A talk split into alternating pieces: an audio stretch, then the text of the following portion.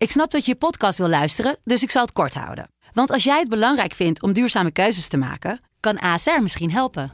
Nou hoor ik je denken, hoe dan? Nou, bijvoorbeeld bij het duurzaam herstellen van schade. Of de premies die we beleggen volgens ons duurzaam beleggingsbeleid. Dat bepaalt waar we wel en juist niet in investeren. Wil je meer weten over welke duurzame keuzes ASR maakt? Ga dan naar asr.nl slash duurzame keuzes. ASR doet het. Zo, dan kan je nu lekker naar je podcast luisteren. Joost Klein is gonna represent the. Who the fuck is this guy? Joost Klein is een veelzijdig man. Rapper, muzikant, netwerker, stijlicoon, marketeer, wereldbestormer, schrijver. In de podcast Joost Klein 12 points belichten we het fenomeen Joost aan de hand van 12 punten. Joost Klein, doe de point. Joost de Klein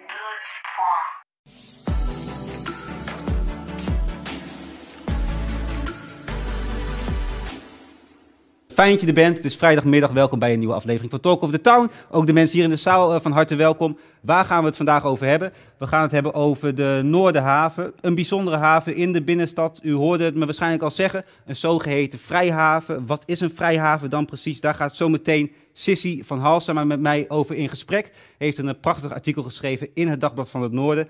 En Nina Visser is hier aanwezig en die woont op dit moment in die ja, bijzondere Noorderhaven met heel veel bijzondere eh, medebewoners volgens mij ook. Eh, en de oud-directeur van FC Groningen is bij ons. Hans Nijland heeft een eh, boek geschreven, Boerenbluff op de transfermarkt. Ik heb, het, eh, ik heb het al mogen lezen. 31 maart komt het uit. En ik moet zeggen, Hans, eh, er staan nogal wat onthullingen in, eh, bijzondere transfers. Je hebt echt het gevoel alsof je met de directeur van FC Groningen meegaat naar transferzaken in de Balkan, in Japan, eh, in een bananenrepubliek in Zuid-Amerika. Je hebt het allemaal meegemaakt, daar gaan we het zo meteen over hebben, uitgebreid. Geweldig boek. We hebben muziek van Jelle Mulder, de Jack Johnson van de Lage Landen, eh, zo noem ik het toch. En de redactie vindt hem ook heel aantrekkelijk en zo, daar hou ik me voor de rest allemaal buiten. Eh, en eh, we gaan luisteren naar onze huisfilosoof eh Sanne ten Wolde. Die eindigt de show zo meteen. Dus volgens mij een bomvolle agenda. Ik heb er zin in. Maar allereerst beginnen wij met misdaadverslaggever van het Dagblad van het Noorden, Ina Rijtsema. Fijn dat je er bent, Ina. Dankjewel. We gaan, we gaan zo meteen over verder praten. Eh, we gaan het hebben over de steekpartij van kleine twee weken geleden in Helpman.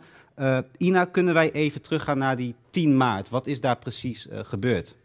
Nou ja, die avond gaat de avondklok in, hè, zoals we die al weken kennen. En daar een tweetal agenten rijdt rond Ja, om te controleren hè, of iedereen zich er wel aan houdt. En ze zien twee mannen op de fiets. En die houden ze staande. En eh, op dat moment eh, ja, gaat het behoorlijk mis. ja wat, gaat er, wat gebeurt er? Nou ja, een van, eh, van die mannen, die steekt dus direct, ja toen werd nog gezegd met een scherp voorwerp, een van de agenten in het gezicht. En ook in zijn hals. Hij is levensgevaarlijk eh, gewond geraakt. Een slagader is geraakt. Dus nou ja, dat is een hele heftige gebeurtenis. Ja. En dat alleen maar omdat ze wilden controleren eh, nou ja, wat die mannen daar deden. Ongelooflijk. En, ja, en, hoe dat is komt... heel heftig. Dat is hoe- een groot delict, ja. En ik Ja. snap ook, omdat het over Ja. agenten gaat, dat het ook heel heftig is voor het politiekorps in, in de stad Groningen. Ja, er was een vrouwelijke collega bij, die is trouwens ook nog gewond geraakt. Dus het is, ja, dat hakte wel eh, heel erg in, eh, ook binnen het korps hoor. Dat is wel ernstig. Ja. En hoe krijg jij dat nieuws dan tot je als eh, misdaadverslaggever hier? Nou, als er zulke dingen gebeuren, dan geeft de politie heel vaak een persalarm bij Ja. echt grote dingen. Dus dan word je als media gewaarschuwd nou ja, dat, er, dat er wat is en dat je welkom bent om te kijken, natuurlijk op afstand. Maar dat is toch eh, om eh, nou ja, je in te zijn van eh, er is echt wat aan de hand. En hoe ga je dan te werk? Want ik, ik ben er heel benieuwd naar. Het lijkt me een heel spannend beroep. Je moet het ook deels op eigen kracht doen, omdat de politie niet alles aan jou direct vrij wil geven. Nee, dus je gaat daarheen en je probeert dan, nou ja, op het moment dat daar net iets is gebeurd, kun je ook bijna nergens bij, want dan is alles afgezet en er is politie en recherche en er wordt forensisch onderzoek gedaan. Dus op dat moment kun je nog niet zoveel. Dan Nee. kun je wat sfeer proeven en wat praten met omstanders. En vaak is het eh, heel effectief om een dag daarna te gaan kijken nou ja, hoe het eh, eh, is neergedaald daar in zo'n straat. Ja. Nou ja, de mensen in de Van Houtenlaan die waren best wel geschokt hoor. Maar bel je dan echt aan? Hoe, hoe gaat zoiets? Ja, nou ja, of je spreekt mensen aan op straat. Maar goed, als er geen mensen... In dit geval regende het heel hard. Maar goed, er waren toch mensen op straat. Dus je spreekt mensen aan.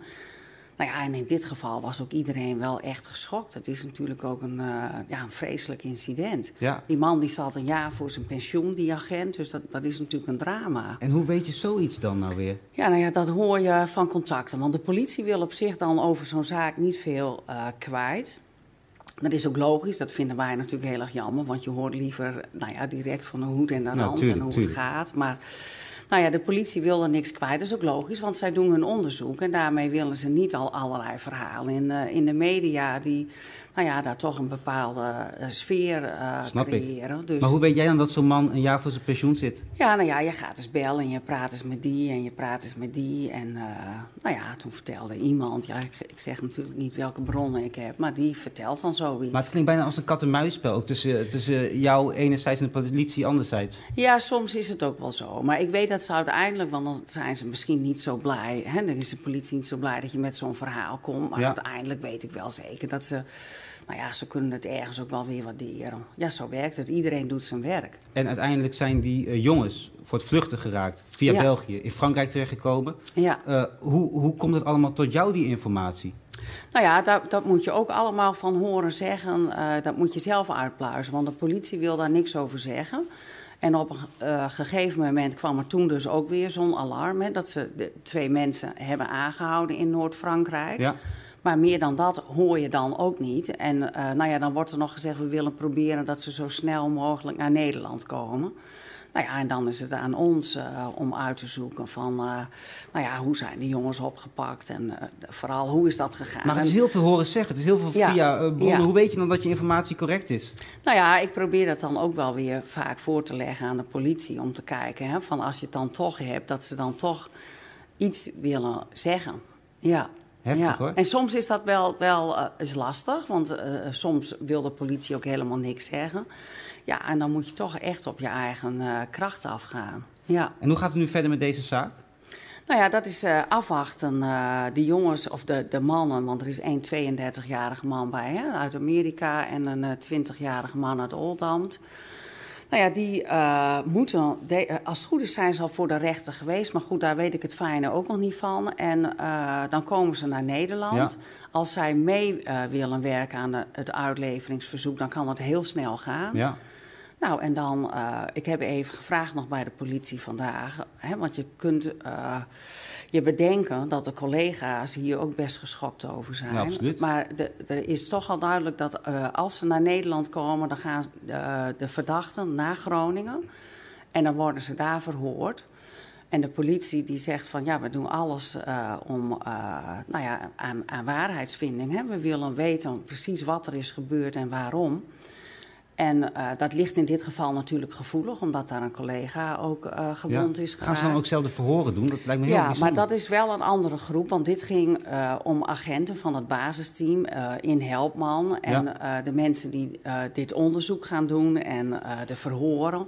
Dat zijn toch collega's die niet heel nauw met deze twee hebben samengewerkt. Duidelijk. En Ina, ik heb het gevoel, ben je niet eigenlijk een soort recherche op jezelf ook? Moet je niet eigenlijk bij de politie stiekem gaan denk werken? ik dat wel eens. Ja. Nee, dat, dat wil ik dan weer niet. Maar eh, eh, eh, je doet soms wel eens, je werkt op dezelfde manier. Je probeert ook dingen uit te zoeken Ja. en te doen. Dus nou ja, het, het is wel leuk. Ja, het is gaan heel het spannend. We gaan het afwachten. Ina, dankjewel voor, eh, voor deze informatie in ieder geval. Een succes de komende Graag tijd. Dankjewel. Eh wij gaan door naar ons volgende onderwerp. Eh, Ina, jij mag weer gaan zitten en een, een drankje gaan nemen. Ook het weekend is voor jou ook begonnen. En wij gaan het hebben over de Noorderhaven. Ik heb hier twee gasten bij me aan tafel. En zoals ik al zei, je bent er vast wel eens langs gefietst. Het is een hele bijzondere haven. Idyllisch plaatje ook, hoe die eh, schepen daar bij elkaar liggen. Eh, we hebben één bewoonster van de Noorderhaven hier bij ons, Nina Visser. Fijn dat je er bent, Nina. En we hebben Sissi van Halsema. En Sissi, jij hebt een artikel geschreven over die Noorderhaven. En ik ga even citeren. Eh, jij zegt, de woonboten in de Noorderhaven zijn met uitsterven bedreigd. hoe de Caribbean van het noorden van Groningen langzaam verdwijnt. Kan je kort uitleggen waarom je die titel hebt gekozen? Waarom ik de titel heb gekozen? Ehm, ja, nou, de Noorderhaven voorheen, ehm, of eigenlijk staat dat al heel lang bekend als een vrijhaven. Ehm, dus dat betekent eigenlijk dat boten daar ongestoord eh, in mogen varen zonder aan al te veel eisen te voldoen. Ja. En dan ook voor onbepaalde tijd. Maar eh, er zijn nu wel regels voor de Noorderhaven en boten moeten daar wel aan voldoen. Ehm, en die regels die golden al wat langer, ehm, maar nu zijn, is de gemeente eigenlijk strenger aan het handhaven daarop. Dus daar komt die titel vandaan dat boten ehm, bedreigd zijn met uitsterven. Ja.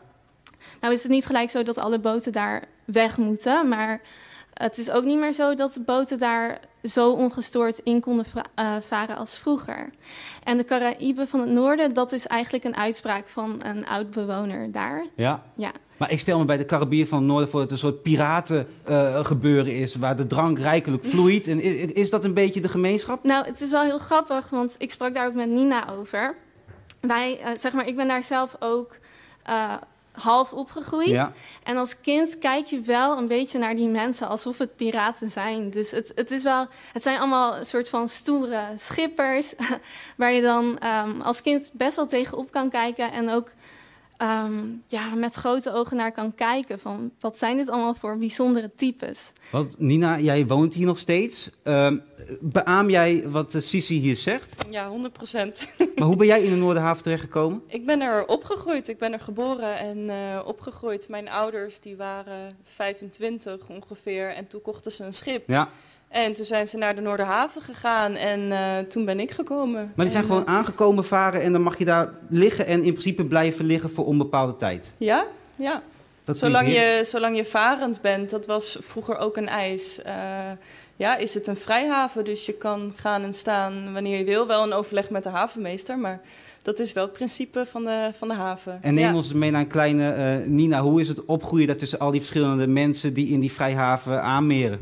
Ja, fantastisch. Je hebt gewoon heel veel diversiteit. En ik denk dat dat ook eh, voor een stad heel prettig is. Dat, dat, dat je zo'n plek hebt waar dat kan en mag. En, en eh, ja, ook die alternatief, alternatief leven, zeg maar. Ja. Ja, en is er dan een verschil tussen de, de Noorderhaven nu? Hè, ook omdat we net al benoemden dat het toch een beetje met uitsterven bedreigd is. En die Noorderhaven pakweg 20 jaar geleden. Nou ja, ik denk wel dat door de tijd heen veranderen dingen inderdaad. Maar ja, ik, ik voel nog steeds eigenlijk wat ik als kind voelde. Is wel die, die vrijheid en, en verschillende type mensen ook. Ja. Ja. Een van die mensen, ik, ik zat even te kijken naar Man bij het Hond. Eh, ja. Kars. Ta- ja, Karstade, ja, kan, klopt. kan je me even meenemen wat voor figuur dat was, die ook in de Noorderhaven heeft gelegen heel lang? Ja, waanzinnig. Was een heel creatief persoon. Een, echt een, een, een paradijsvogel. Ik ben daar als kind ook op zijn schip geweest. En het was heel leuk. Hij had zijn schip eigenlijk gebouwd ook uit allemaal halfgezaagde dingen uit speelgoedwinkels. Dus dan had hij weer, nou ja, echt waanzinnig een reling gemaakt van allemaal verschillend hout. En eh, ja, waanzinnig. Maar die man die heeft toch ook, eh, en corrigeer me als het niet goed is, hoor, die wilde er van Heemskerk nabouwen. Een schip waar Abel Tasman Ja. naar Tasmanië is, eh, is gevaren en naar Oceanië. Die heeft dat helemaal zelf opgebouwd. Ja. En uiteindelijk nooit die haven uitgekomen met het schip, of wel? Nee, klopt. Nee. Maar is dit karakteristiek voor de mensen die daar wonen? Eh, al, allemaal dat soort types bedoel je? Nou ja, ja, heel verschillend. Ja, eigenlijk heb je allemaal verschillende soorten. Niet alleen kunstenaars, maar eh, ja, van alles. Ja. Ja. Hey Sissi, eh, hoe ziet de toekomst van de Noorderhaven eruit? Ja, ehm, ik weet niet hoe de toekomst er echt uit gaat zien. ehm, maar als ik wat zeg over, ja, als ik wat mag zeggen over wat ik hoop is, ik vind het wel heel mooi dat er zulke plekken zijn in Groningen. Dus dat Ja. er plekken zijn met een beetje een rauw randje of een rafelig randje. Ehm, dat niet alles zo erg binnen de lijntjes is. En dat die mensen daar gewoon lekker hun gang kunnen gaan. En ehm, op de manier waarop ze dat nu ook doen. Ja. Dus dat ze lekker op boten aan het wonen zijn. En ehm, ja, op diezelfde vrije manier kunnen leven als dat ze nu ook doen. Dat, dat zeg ik dan als, als kind die daar ook half is opgegroeid. Snap ik, snap ik. En, en hebben je ouders jou ook iets meegegeven? Dan die zijn er natuurlijk, eh, die hebben daar lang gewoond, die hebben jou daar opgevoed. Wat is een beetje de geest die daar leeft? Eh, ik denk eh, heel ultiem ook in de seizoenen staan.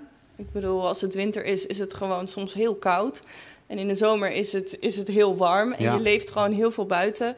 En wat ik ook wel heel erg van dat opgroeien op het water heb meegekregen, is dat je eh, geniet van kleine dingen. En Ja. dat die kleine dingen heel waardevol worden. En dat je ook leert met weinig leven. En nou ja, bijvoorbeeld een, een mini-mini-wc met een handpomp en, en dat soort dingen. Ja, oh ja, dat- echt dat- joh?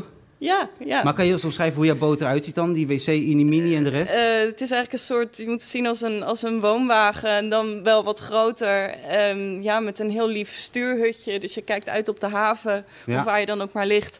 En dan loop je naar beneden en dan kom je in een soort kajuit eigenlijk. Ja, en, en daar, eh, daar, daar is dan alles. Ja. En, en het klinkt fantastisch. Ik heb ook een tijdje, dat vertelde ik ook jullie, op een, op een boot gewoond. En je Ja. hoort eh, meer koetjes buiten. Je leeft echt op dat schip met het water. Eh, zelfs een beetje met de natuur. Zeker. Zou jij eh, in een normaal huis kunnen wonen?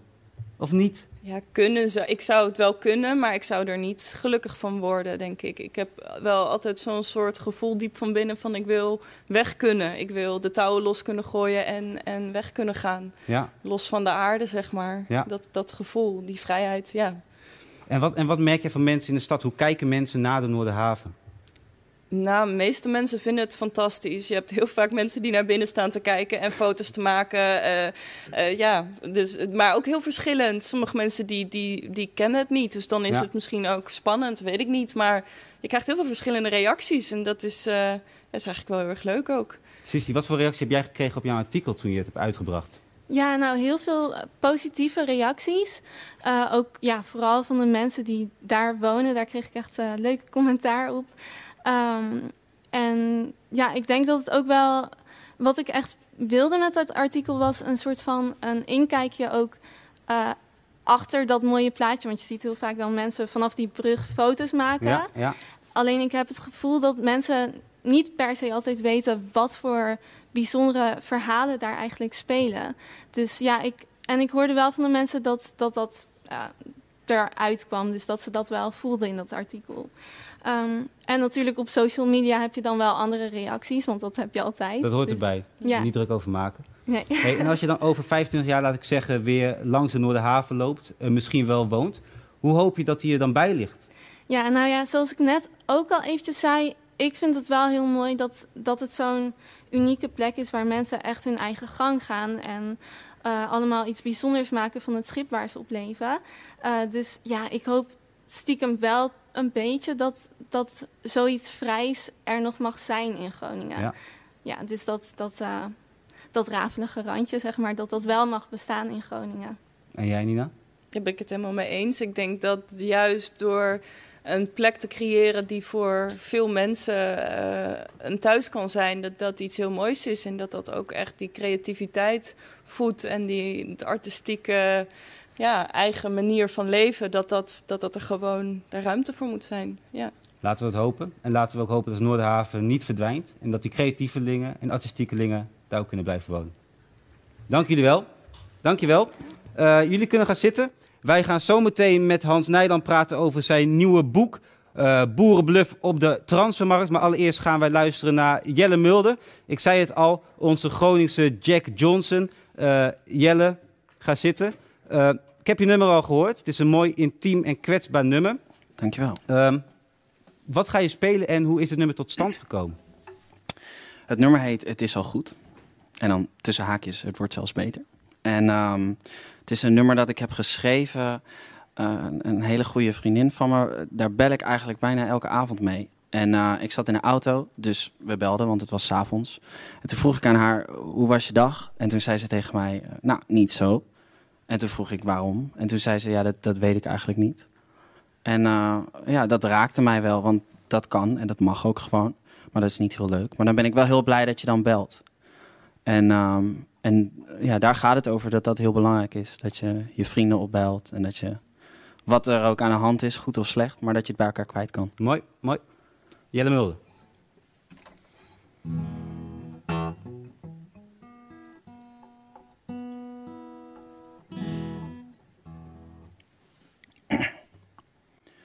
Hallo met mij? Nee, gewoon benieuwd hoe het met je gaat. Wat is er oud? Wat is er nieuw?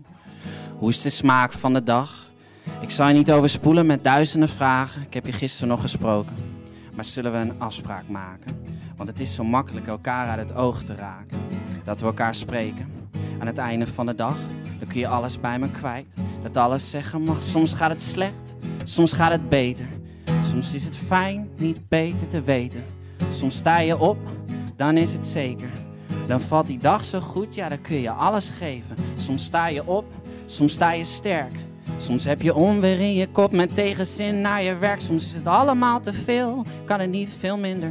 Moet je stoppen met zoeken om jezelf weer te vinden. Wees blij met een traan en hel met een lach. Want ook al voel je het even niet, wees dan lief en verwacht. Het is al goed, ja.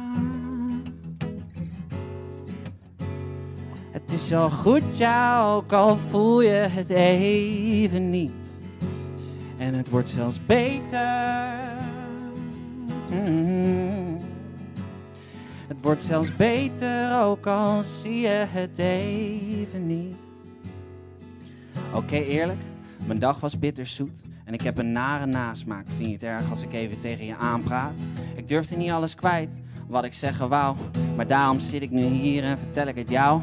We zoeken antwoorden op zoveel vragen. Maar intenties gaan verloren, laten we niet verdwaald raken. Als dat gebeurt, dan ben ik je vuurtoren. Kleine lichtje op de horizon. Je veilige haven, laat me je helpen. En ook al kan ik niks voor je doen, maar er gewoon voor je zijn. Je weet wel zoals toen. En misschien ben ik je houvast, laat me je vasthouden. En ook al is het maar op afstand, ik ben er voor je. Ik ga niet weg. Als je in de put zit of de fut niet hebt, nou dan ren ik voor je. Echt, ik ben er voor je. En als je geen zin hebt om te praten, dan zing ik voor je. Soms gaat het slecht, soms gaat het beter. Soms is het fijn niet beter te weten. Soms sta je op en dan is het zeker. Dan valt die dag zo goed, dan kun je alles geven. Soms gaat het slecht, soms gaat het sterk. Soms heb je onweer in je kop met tegenzin naar je werk. Soms is het allemaal te veel, kan het niet veel minder. Moet je zoeken, stoppen met zoeken om jezelf weer te vinden. Wees blij met een traan en hel met een lach. Want ook al voel je het even niet, wees dan lief en verwacht. Het is al goed, ja. Het is al goed, ja, ook al voel je het even niet. En het wordt zelfs beter. Wordt zelfs beter, ook al zie je het even niet. Het is al goed, ja. Het is al goed, ja.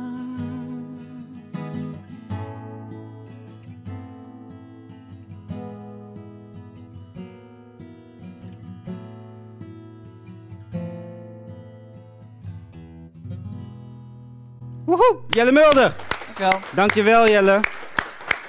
Super. We gaan eh, naar ons laatste onderwerp. We gaan Hans Nijland hier naartoe vragen. De oud-directeur van FC Groningen, ruim 20 jaar bij de club gezeten. En eh, op 31 maart komt er een boek van Hans Nijland uit. Boerenbluff op de transfermarkt. En ik moet zeggen, ik eh, mocht er even doorheen gaan.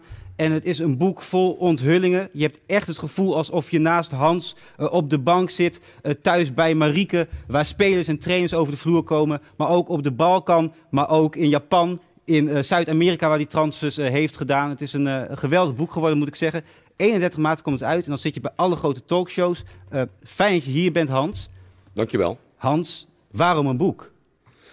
Ja, dat is een hele goede vraag. Ik heb er ook eh, lang over nagedacht. Hè. Ik ben inmiddels, eh, of bijna twee jaar geleden ben ik gestopt bij Groningen. En eh, ja, toch wel veelvuldig gevraagd door journalisten. Ja. hè, om een, een boek te schrijven. Ik heb aanvankelijk de boot afgehouden. Ik wou echt eerst even goed afstand nemen. En op een goed moment heb ik met Tom Knipping gesproken, hè, journalist van Voetbal International. Die is vanmiddag bij me thuis geweest. Ja, en, en, en, en dan gaan die oude verhalen weer en al die transfers wat je al vertelt. En dan denk je, ja, dat is eigenlijk toch wel, eh, toch wel leuk. Vond je Maar, het spannend? eh, om dat boek, eh, nou ja, weet je, kijk, de lancering van zo'n boek, natuurlijk is dat eventjes spannend. Hè? Hoe valt het? En, en Ja. kijk, ik heb ook gezegd, als je een boek schrijft, dan moet je ook namen en rugnummers noemen. Hè? En nou, volgens mij heb ik dat gedaan. Maar volgens mij, ik heb mezelf denk ik in het boek ook redelijk kwetsbaar, kwetsbaar opgesteld. En eh, nou ja, we zullen zien. Ja, hey, eh, we beginnen even bij je begintijd bij FC Groningen. Hoe ben je eigenlijk dan de eredivisie binnengebluft? Ja, dat was inderdaad bluff. Ik weet, ik weet- ik weet nog heel goed, ik was eh, 35 en ik had mijn bedrijf verkocht. En ik kwam eh, Wim Everats tegen op een feestje van Notabene mijn oude bedrijf. En ik was een geweldige supporter van die club. Ja. Ging toen de tijd niet goed. En ik, toen heb ik tegen Wim gezegd, eh, met mijn grote bek... Ja, als je er een succes van eh, wil maken, dan moet je mij bij die club neer, neerzetten. En, Dat is een aardige eh, bluff, ja. Ja, dat slaat natuurlijk helemaal nergens op, zo'n opmerking. Past ook helemaal niet bij een Grunninger. En ik weet ook dat een van mijn eerste interviews in de Voetbal International was ook een missen van je welste trouwens. En toen riep ik van, eh, ja, ik weet wel hoe ik leiding moet geven aan een eredivisieclub, terwijl ik geen enkele eh, ervaring eh, had. Dus ik ben ook best regelmatig met mijn, eh, hoe zeg je dat, met, met, met, met mijn hoofd tegen de, de geknald. Hè, en en eh, ik, ik weet nog, eh, eh, collega's van jullie van het, eh, toen het Nieuwsblad van het Noorden, waaronder Dick Heuvelman. Hè, die, ja, ik was regelmatig aan de beurt in zijn columns weer op de, maandag, eh, op de maandagmiddag. Dat geloof ik Hè, zeker wel. werd ik neergezet als een eh, simpel advertentieverkoper. maar daar was ik eigenlijk wel trots op. Want ik zou vertellen, het verkopen van advertenties is een van de moeilijkste beroepen die er is. Ja. Dus, eh, nou ja, en, en, en dat was mijn entree in, eh, in, eh, in, in, in het voetbalwereldje. En uiteindelijk heb je meer dan 100 transfers gemaakt. eh, en je gaat echt in het boek met jou mee, eigenlijk naar al die transfers toe. Dan wil ik even eentje uitlichten. Uh, Luis Suarez kennen we natuurlijk allemaal. Uruguay, ja. Ja, en, en jij zat toen op een gegeven moment te onderhandelen met zijn zaakwaarnemer. Ja. En, en jij pakte vuur aan steken en gooit ze naar hem toe. Wat is er allemaal gebeurd? Ja, dat was bizar. En eh, kijk, eh, dat, dat, dat zijn echt. Kijk, eh, het onderhandelen over spelers, dat vond ik het mooiste van mijn vak. Ja. hè. En eh, ja, als je dat in Nederland en Europa, dat gaat allemaal redelijk netjes. Maar als je dat, ja, dat, dat is, dit was echt Zuid-Amerikaans temperament. En dat ging er ongelooflijk om weg. en, en hij vroeg bizarre bedragen. Hè. En, en dan vooral voor hemzelf. En wat is dan een bizar bedrag? Ja, dat ging om tonnen. Hè, wat zo'n zaakwaarnemer uit zo'n deal wil op, opstrijken. En ja, wij kregen ruzie. En op een goed moment er staat zo'n bak met allemaal van het koffiemelkpoeder en zo erin. En ik ja, kon mezelf eventjes niet beheersen. En ik gooide zo die bak. En nou, die kreeg hij echt voor zijn kanus. ja, dat is natuurlijk uitermate ongepast. En hij stond op en we stonden echt met de koppen tegen elkaar aan.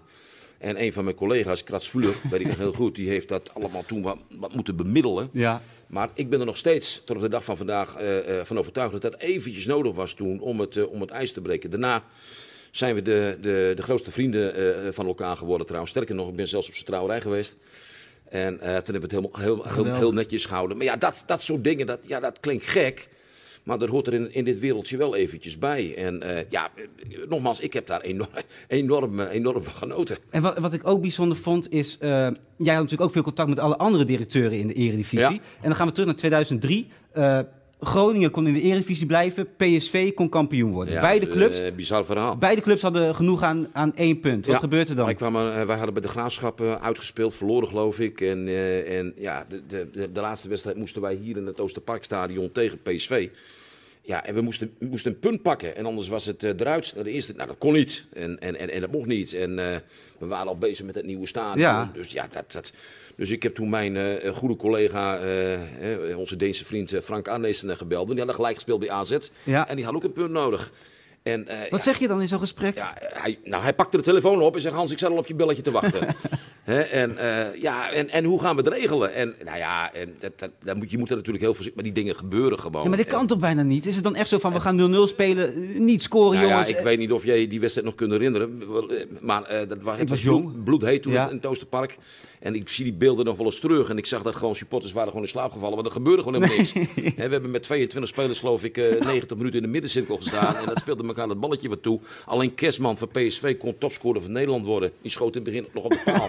En die werd toen ook door Guus Hiddink, want dat was de trainer, Ja. benen werd, eh, werd gewisseld. Ja. Nou ja, dat was, zo ging dat. En, maar neem nou van mij aan, zo gaat het nog steeds. Dus eh, het klinkt wel als een heel bijzonder verhaal, maar... Maar, maar, Maar ook in Nee, je denkt dat dit echt in... in, in- Ach, hou op. Het gebeurt in het profvoetbal, het gebeurt in het amateurvoetbal. Eh, eh, eh, je- dat, dat zie je na, na, na, na de slot van zo'n competitie toe. Ja. En, en neem van mij aan, het gebeurt ook in andere sporten. Handbal, basketbal, noem het maar op. Hè. Als je allebei gelijk hebt aan een punt, ja, dan moet je elkaar het leven ja, dan moet je het ook misschien maar doen. Eh, nog een transfer pakken we eruit. Filip Kostic eh, naar Dat Stuttgart. was, vond ik persoonlijk een van de mooiste. Nou, waarom? Nou, zeg jij het maar. Nou waarom ja, jij het zo mooi vond. Wat ik fantastisch vond, jij hebt daar onderhandelingen met de directie van Stuttgart. Ja, ik snap het, want er Ja. komt een verhaal aan ook. Eh, en jullie zitten over die prijs te onderhandelen. En op een gegeven moment Ja. komen daar vrouwen binnen. Er Ja. gaan vrouwen op je knie zitten, Hans. Ja. Dat kan je allemaal niet maken. Volgens mij heb je Marieke, je vrouw, nog wel ingelicht ook. Maar, maar, maar, maar in ieder geval, ze, ze haalden alles uit de kast... om, die transfer, om het transferbedrag dat- voor Stuttgart zo laag mogelijk te houden. Ja, het, was, eh, het ging om eh, VfB Stuttgart en eh, we hadden een afspraak gemaakt in, in Düsseldorf. Een beetje tussen Groningen en Stuttgart in. En Henk Veldmaten, mijn zeer gewaardeerde collega, ik bel hem op s s'avonds. Ik zeg Henk, morgen vroeg moet je je tandbossel meenemen naar, naar, naar, naar het stadion. We gaan naar Düsseldorf, want we gaan onderhandelen. En neem één ding van mij aan, in onderhandelen heb ik altijd gezegd... je moet niet tegen je vrouw zeggen van ik ben vanavond of tien of om Nee. elf uur thuis. Maar dat gaat geld kosten. Tijd je, moet, in- je moet je tijd voor nemen. Hè, dus wij bleven daar en, en zij hadden een geweldig restaurant geregeld. En, maar alles, alles, alles werd, werd, werd ingezet om, om die deal te doen. En eh, op een goed moment je onderhandelt over geld en over termijnbetalingen en weet ik veel wat allemaal meer. En ja, Henk en ik gingen even schorsen, we liepen eruit. En, en, en ik kijk zo en ik zet in kijk, nou, er zaten twee dames, die waren, nou ja, die waren aan tafel geschoven bij ons. Dus, en Henk, heel nuchter als Henk is, zegt, "Nou, directeur, we gaan nu eh, niet meer onderhandelen. Ik zeg, nee Henk, we houden ons kruid droog. Dus ik, ik zit daar en, en, en, en, en ja, een, een prachtig mooie dame, die, die gaat op mijn knie zitten. Nou heb ik redelijke zelfkennis, dus Ja. ik denk, ja, zelfbeeld. Je dacht, die zijn er voor mij, die zijn er voor Nou, mij. ik denk, die Oh, klopt wat niet. Die klopt wat niet. Dus ik zeg die veldmaten, maak snel even een foto van het tafereel en stuur het eventjes naar Marieke, dat is mijn vrouw, toe. Dan kunnen ze me niet meer chanteren in ieder geval. En maar alles, om gewoon aan te geven, alles werd in de, in de strijd gegooid om een deal eh, te forceren. Nou, nee, wij zijn nuchtere Groningers, Ja. daar zijn we niet in meegegaan. Dus op een, dat was in, in, in, in een hele mooie zaak trouwens. En midden in de nacht werd daar het clublied van Borussia Dortmund gespeeld. En je wilt niet geloven, om één uur, midden in de nacht daar... Laat ons weer eens juichen, Ja, FC, FC Groningen. Nou, dan weet, je, dan weet je wat voor spel het is. Nou, op een goed moment hebben Henk en ik gezegd... wij gaan terug naar het hotel, hè, we, gaan, eh, we gaan de nacht in, we gaan slapen. Moest Henk jou daarvoor overhalen? Of dacht meneer Nijland van ik ben nog even bij de mooie vrouw hier? eh? Eh, nee, Henk en ik zijn samen teruggegaan. Oké, nee, ja, oké. En eh, maar het mooie was, eh, s- s ochtends aan het ontbijt... en toen kwamen de, de beide mannen van, van Stuttgart... En, en toen hebben wij eh, eh, de onderhandelingen voortgezet. En moraal van het verhaal is gewoon... En wij maakten toen een, een, een, een, onwaarschijnlijke deal hè, voor, een, voor een bedrag van 6 miljoen euro. En ik, eh 6 miljoen euro. En ik ben ervan overtuigd, dat als je meegaat in, in, in die toestanden, Ja. in die flauwekul en dat soort tafereelen, ja, dan kost je dat gewoon heel veel, heel veel, heel veel geld. Ja. Nou ja, zo gaat het er echt aan toe. En nou ja, ik, ik vond het wel aardig om, eh, om eh, dat op te laten tekenen in Ja. het boek. En ik wil Tom Knipping daar, eh, jullie hebben ook heel veel goede... Met Tom Knipping heeft dat geweldig, geweldig gedaan. Zeker. En nou ja, ik, ik, ik, ik, ik hoop dat het een le lezenswaardig boek is. Niet alleen voor de, voor de voetballiefhebbers, maar ook... Hè, eh, voor ik bij Groningen was ik ondernemer met mijn eigen onderneming, met mijn eigen bedrijf. Ja. En, en ook dat zijn we ooit opgestart met, met toch wel de nodige, nodige bluff. Ik, Nou ben, ja. ik ben niet een jongen met, eh, met, met, met opleiding. Ik heb met heel veel pijn en moeite eh, eh, een MAVO-diploma. Daar heb ik iets van zes jaar over gedaan, geloof ik. En vervolgens ben ik gaan doen ja, wat ik gedaan heb. En met, met ontzettend veel plezier. En, en, en, steeds... en succes. En ik moet zeggen, in het boek staat ook dat in 2012 werd jij gekozen.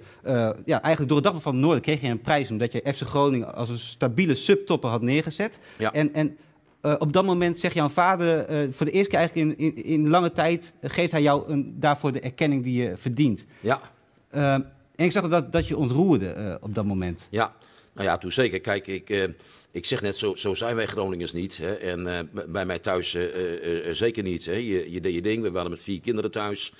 En eh, eh, ik, ik, ik weet nog heel goed, het is wel, wel, grappig. Thuis zijn wij van protestantse afkomst. En eh, ik eh, op een goed moment mijn bedrijf verkocht. En op een goed moment belde ik mijn vader op om hem eh, te vertellen van... Dat ging op zich Grunnings, hè. Pa, ik moet je even maar vertellen. Ik gooi bij FC Groningen, FC Groningen zwaak. En toen zei mijn pa, maar dat is toch een voetbalclub? Ik zei, ja, mijn vader heeft niks met voetbal. Ik zei, ja pa, ik, ik zeg, ja, dat, dat is een voetbalclub. Maar, maar die speelden toch op zondag? Ja, die speelden op zondag. Nou, zei hij, ehm, ik zet geen stap door over de, over de drempel. Nou, kan je zeggen, dat heeft hij op zondag ook nooit gedaan. Nee. Maar wel als we af en toe speelden op de zaterdag of de, op de vrijdag. Ja, zo, zo ging dat. Ja, nou ja, prachtig toch? Ja, geweldig. Ik wil nog naar één moment toe, want eh, er zijn natuurlijk ook eh missers geweest. Zeker. eh, ik wil even naar het verhaal dat jij...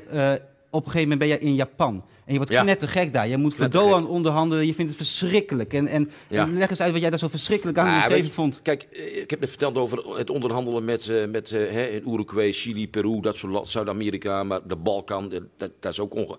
Nou ja, en Japan daarentegen is weer heel anders. Hè. Ik, ik kwam daar en dat ging voor eh, Doan.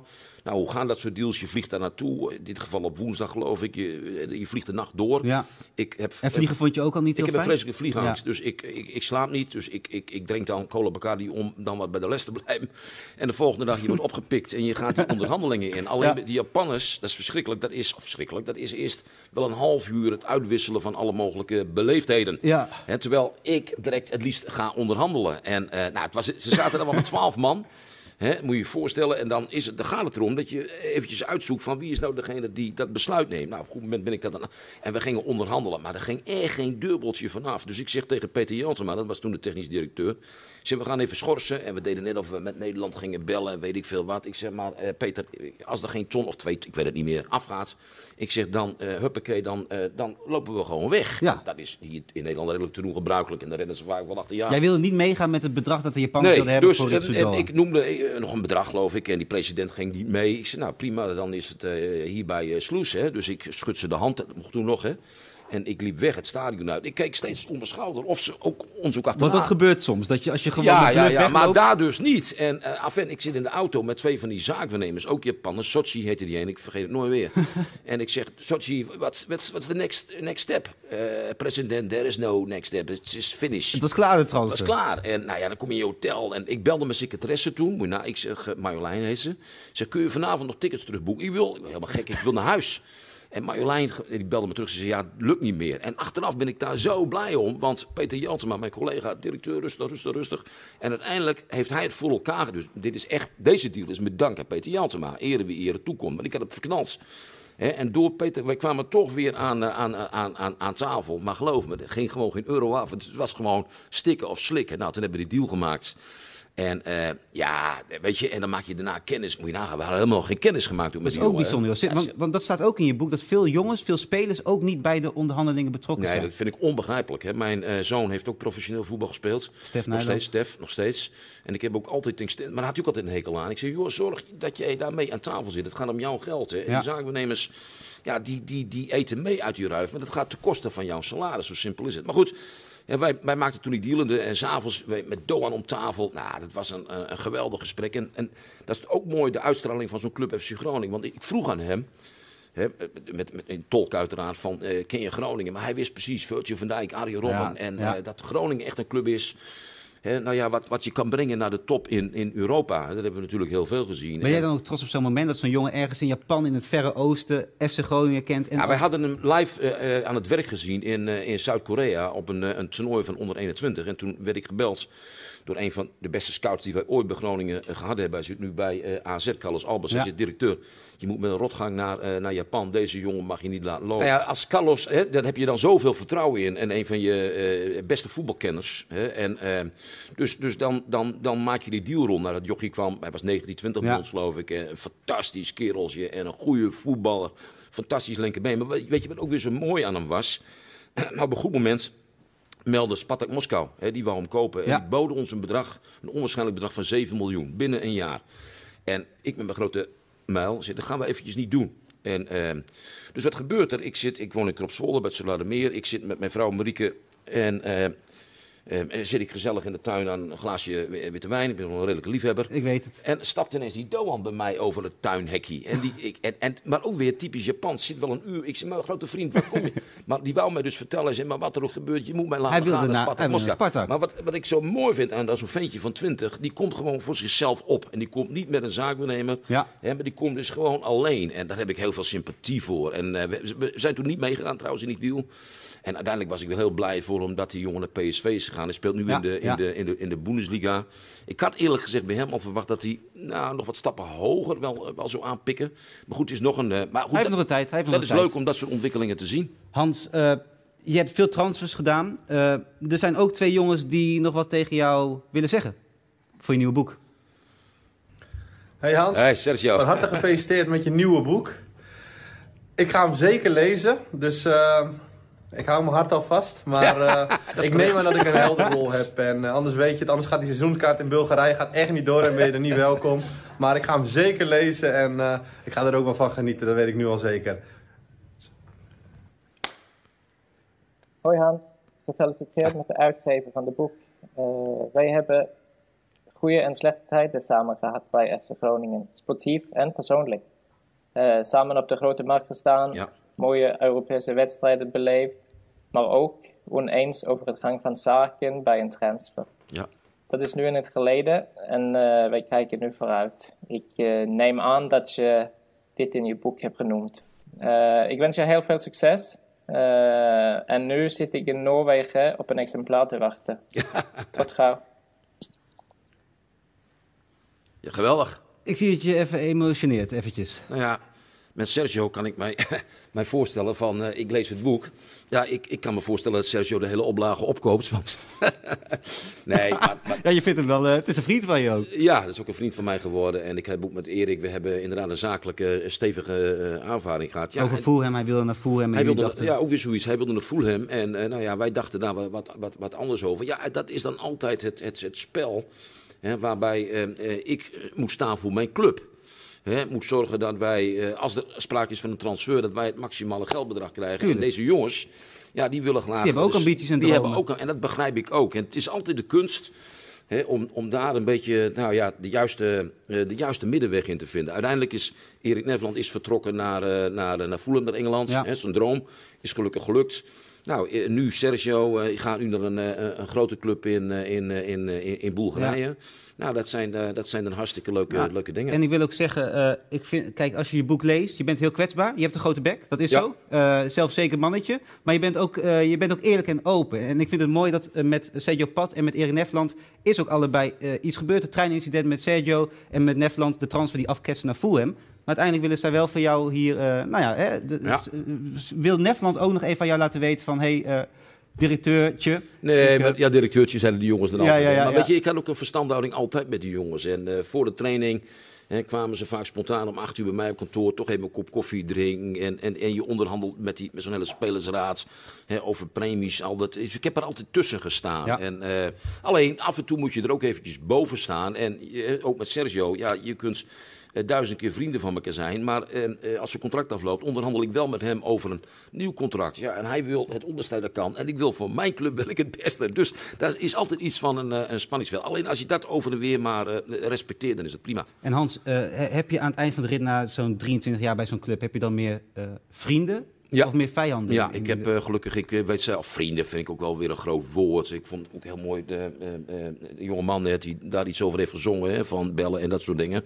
Vrienden, maar bijvoorbeeld vanmiddag, vlak voor ik hierheen reed, werd ik nog gebeld door Robert Eenhoorn, de directeur van AZ. Ik heb nog veelvuldig contact met Mark Overmars, technisch directeur Ajax. Ik heb met de mensen bij FC Groningen nog heel veel contact. Ik heb met de spelers nog regelmatig contact. Mooi. Dus dat is gewoon hartstikke leuk. En, maar, maar natuurlijk zullen er ook wat zijn.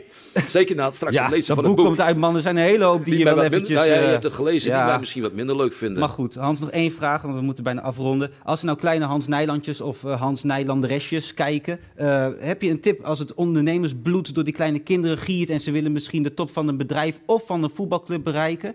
Heb je tips voor die? Nou ja, ik had eh, toevallig vanmiddag eh, twee studenten die bij mij thuis waren. Ook die waren met een scriptie bezig. En dat vind ik dan ook hartstikke leuk om, om, om, om daar iets over te zeggen. Kijk, ik, eh, volgens mij heb ik la- laten zien, ik heb niet gestudeerd, ik ben niet hoogbegaafd. Hè, maar eh, eh, toch om doelen te stellen, eh, je, je er maximaal in vast te bijten. eh, Kun je, kun, je, kun je wat bereiken. Al, alleen heb ik ook altijd gezegd, je moet het ook doen. Er moet ook passie zijn. En Ja. passie kan alleen maar als je. ehm, ehm, kijk, ik hou van FC Groningen, dat is mijn club. Als je mij morgen vraagt. Eh, wil je directeur worden eh, eh, bij Heerenveen en je, kunt een miljoen verdienen, ik noem een idioot bedrag, Ja. dan ga ik het niet doen. Nee. Want ik sta daar niet, ik, het is een mooie club, Ja. maar niet, niet voor mij. Hè. Ik heb ook, hè, Ron Jans ging ooit van Groningen naar, naar Heerenveen. Nou, dat is nou iets, Ja, dat begrijp ik niet. Ik zeg altijd, je blijft van je buurvrouw af. Maar als de mensen dit willen le- lezen, moeten ze naar het boek toe gaan. We gaan eh, En hij is nu te bestellen, hè? Oké. www.hansnijlander. Ik Ja. ben volgende week in huis. Hele goede reclame. 31 maart is het boek van Hans Nijland uit. Nu bestellen, heb je hem voor 31 maart in huis. Genoeg reclame. Dankjewel Hans Nijland. Dankjewel. Graag Eh, eh, Hans. Ehm, Ik mag en- gaan? Ja, je mag gaan. Oké. Met je wijntje. Ehm, ja, je mag gaan. Oké. Ja. En, en we hebben hier geen vrouwen voor je geregeld die zo meteen langskomen. Eh, ja, nee, dat is waar. Nee, daar houden we bij. Eh, dit was hem alweer voor vandaag. We gaan allereerst zo meteen luisteren naar eh, onze huisfilosoof Sanne ten Wolde. Sanne mag langzaam naar de microfoon toe eh, flaneren hier door het Groningen Forum. Lara zit hier volgende week weer. Nog een paar huishoudelijke mededelingen. Volg ons nou lekker omdat je denkt het is leuk op eh, Talk of the Town 050 op Instagram. En als je nou een leuk eh, berichtje achterlaat eh, of ons volgt, dan kan je iets moois winnen. Namelijk een verrassingsborrelbox van NOK. Dat zit hier boven in het forum. Eh, kan je de volgende week hier komen ophalen. We zien een mooie foto. Ziet er toch heerlijk uit. Broodje, dipje. Oh, oh, oh, oh, oh. Geweldig. Dus doe dat eventjes. Dan zijn we enorm blij. Sanne? ehm, hey, hoi. Hi. Hoe is het? Het gaat, gaat goed. Ja? Ja. Dat is hartstikke fijn. Ja. Eh, volgens mij heb je een hartstikke mooie eh, column eh, geschreven. Eh, een beetje, beetje een haakje met corona ook, maar toch? Ja, ik dacht eigenlijk, is eigenlijk niet echt een column die je eigenlijk voorleest. Het is gewoon een column waar je echt bij wegloopt. Maar dit, Ja. Nou ja, oké. Nee. Ik, ga ik toch wel even voorlezen. Doe het. Ja? Oké. Ehm, toen mijn broertjes halve gezicht verlamde, zei hij... Ik heb er alles voor over om weer te kunnen lachen.